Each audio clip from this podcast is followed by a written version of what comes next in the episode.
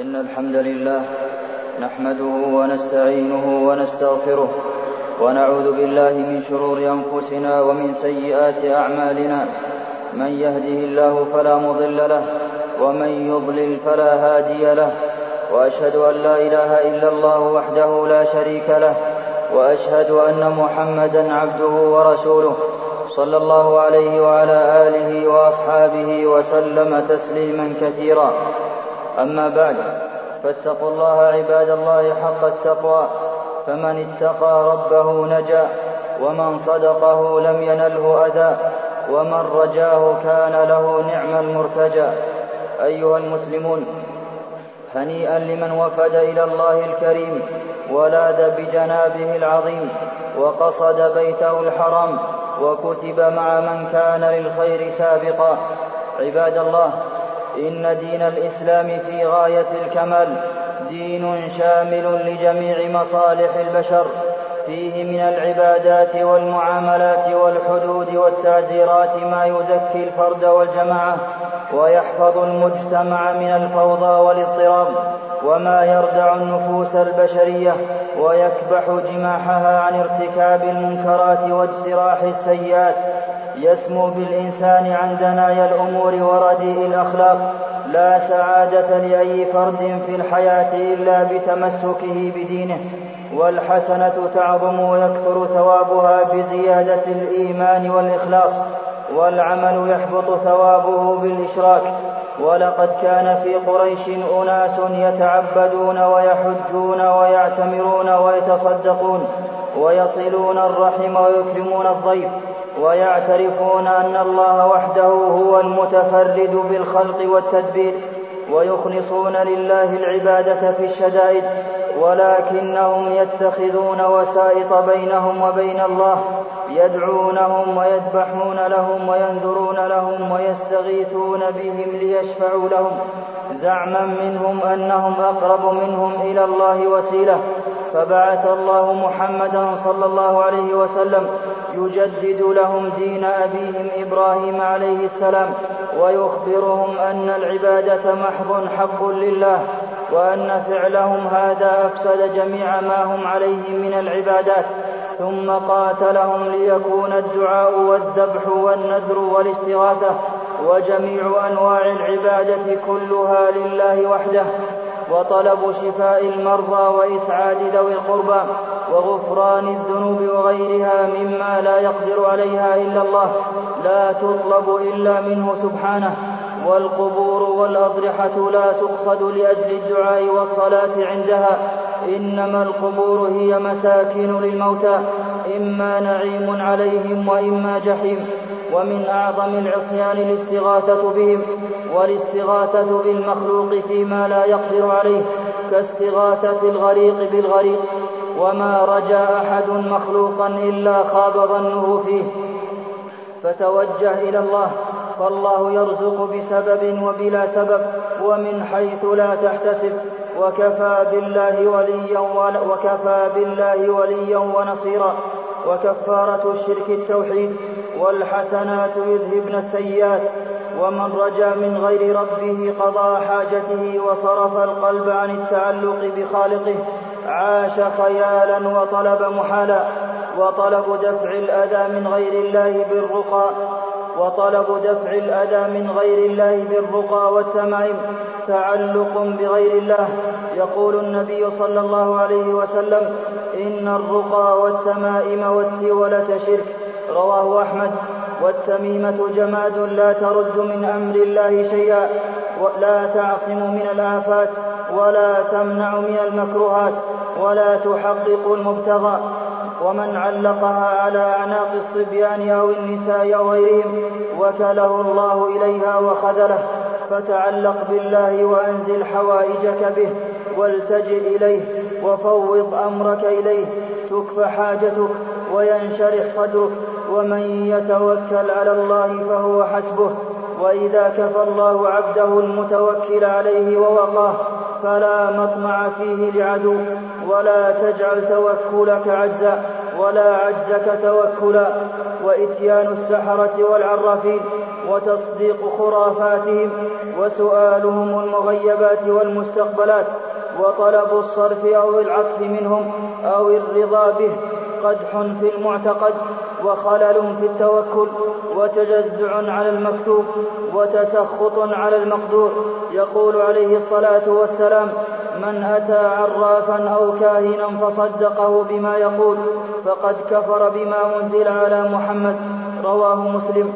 ورزق الله لا يجره حرص حريص. ولا يرده كراهية كاره. يقول الحسن البصري رحمه الله لما علمت أن رزقي لن يأكله غيري اطمأن قلبي. وإتيان ذوي الشعوذة لا يعجل الرزق ولا يستبطئ الأجل. يقول القرطبي رحمه الله يجب على من قدر على ذلك من محتسب وغيره أن ينكر عليهم وعلى من يجيء إليهم أشد النكير. واحفظ يمينك ولو كنت صادقا تعظيما لجناب ربك ولا تحلف إلا باسم من أسماء الله أو صفة من صفاته ولا تحلف بغيره سبحانه كالكعبة والنبي والأمانة والولي وأيقن بقدر الله وخلقه وتدبيره واصبر على بلائه وحكمه واستسلم لأمره فالدنيا طافحة بالأنكاد والأخدار. مطبوعة على المشاق والأهوال. فكن مؤمنا بالأقدار فالإيمان بها ركن من أركان الدين وليس كل ما يتمنى يدرك. وبالإلحاح في الدعاء والتوجه إليه بالكلية تفتح الأبواب ويتحقق المرغوب وينبغي للمؤمن أن يكون خوفه ورجاؤه واحدا فأيهما غلب هلك صاحبه فمن غلب خوفه وقع في نوع من اليأس ومن غلب رجاؤه وقع في نوع من الأمن من مكر الله والخوف المحمود ما حجزك عن محارم الله وإذا لم تجد للعمل حلاوة في قلبك فاتهمه فإن الرب شكور وفي الدنيا جنة من لم يدخلها لا يدخل جنة الآخرة والمحروم من حجب قلبه عن ربه والمأسور من أسره هواه. وإقامة الصلاة مع جماعة المسلمين في بيوت الله تزيد الإيمان وتضيء الوجه وتحجز عن المحرمات. قال عز وجل وأقم الصلاة إن الصلاة تنهى عن الفحشاء والمنكر والمأكل والمشرب الحلال دليل على سلامة الإيمان وحسن المسلك وسبب في إجابة الدعاء. يقول المصطفى صلى الله عليه وسلم يا سعد أطب مطعمك تكن مستجاب الدعوة وتجنب المعاطاة بالربا أو التعامل بالمحرم تسمو نفسك وتطهر روحك واجعل تعاملك مع الآخرين على ضابط الحب والبغض في الله. فمن التمس رضا الله بسخط الناس كفاه الله مؤونة الناس واحذر الظلم فالظلم ظلام مضاعف في الآخرة والمظلوم مستجاب الدعوة محقق المطلب فلا تمنع الآخرين حقوقهم ولا تعتد عليها والظلم لا ينفك عن ترك حسنة أو فعل سيئة. قال تعالى ومن يظلم منكم نذقه عذابا كبيرا. إن العاقل من اشتغل بعيوب نفسه عن عيوب غيره وقام مجتهدا بطاعة ربه ولا بد للسالك إلى الله من هم من همة تسيره وتعليه وعلم يبصره ويهديه فسر إلى الله بين مشاهدة المنة ومطالعة عيب النفس واحذر الوقوع في أعراض المسلمين بالغيبة والمهتان. يقول صلى الله عليه وسلم إن دماءكم وأموالكم وأعراضكم عليكم حرام كحرمة يومكم هذا في بلدكم هذا في شهركم هذا. ولا يحملك الحسد والهوى على البهتان فالحسد أشد الأخلاق وبلا والإنسان مجبول على حب الترفع على بني جنسه والذم متوجه إلى من يعمل بمقتضى التسخط على القدر. أو ينتصب لذم المحسود. فاكره تلك الذميمة عن نفسك واستعمل معها التقوى. فمن اتقى وصبر نفعه الله بتقواه. وتحل بأعالي الأخلاق. وداوم على العبادة. فكثرة العبادة تدفع الرياء. والاستعانة بالله تمنع الكبرياء. وبالأمر بالمعروف والنهي عن المنكر يدفع البلاء.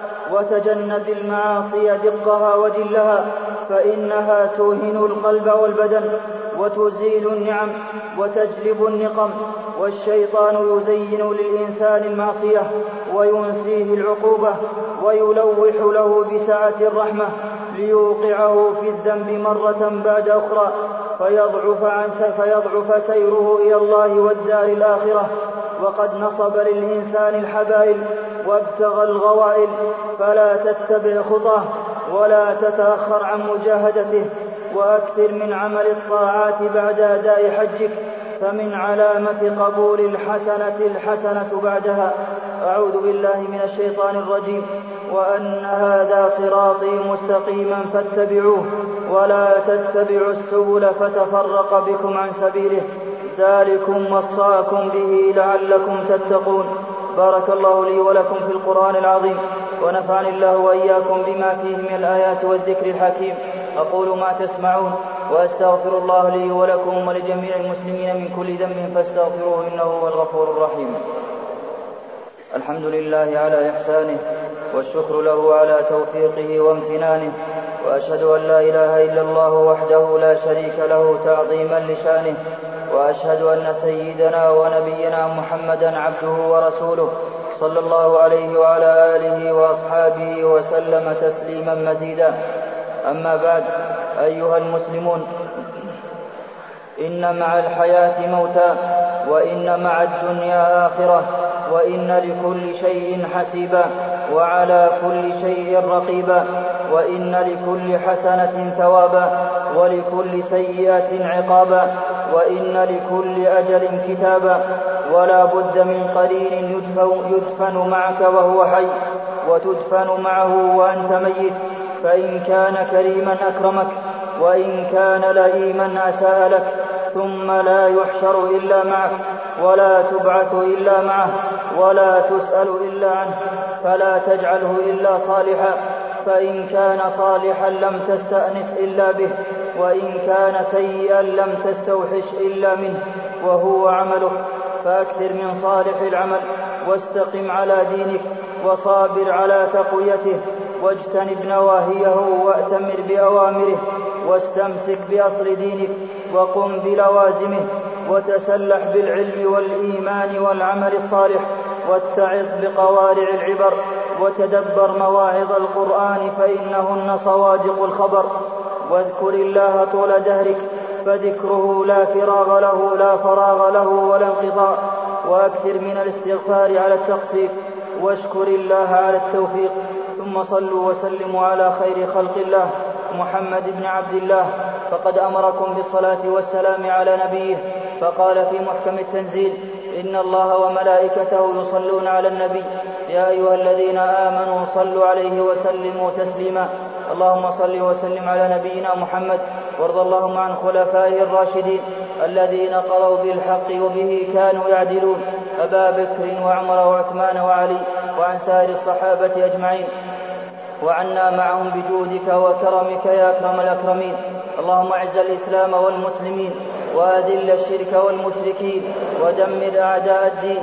واجعل اللهم هذا البلد آمنا مطمئنا وسائر بلاد المسلمين. اللهم وفقنا لهداك واجعل أعمالنا كلها في رضاك. اللهم وفق جميع ولاة أمور المسلمين للعمل بكتابك وتحكيم شرعك يا ذا الجلال والإكرام. اللهم أنت الله لا إله إلا أنت. أنت الغني ونحن الفقراء. أنزل علينا الغيث ولا تجعلنا من القانطين. اللهم أغثنا. اللهم أغثنا.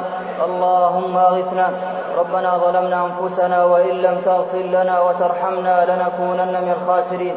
اللهم إنا نسألك فعل الخيرات وترك المنكرات وحب المساكين. وإذا أردت بعبادك فتنة فاقبضنا إليك غير مفتونين. عباد الله إن الله يأمر بالعدل والإحسان وإيتاء ذي القربى وينهى عن الفحشاء والمنكر والبغي يعظكم لعلكم تذكرون. فاذكروا الله العظيم الجليل يذكركم. واشكروه على آلائه ونعمه يزدكم ولذكر الله أكبر والله يعلم ما تصنعون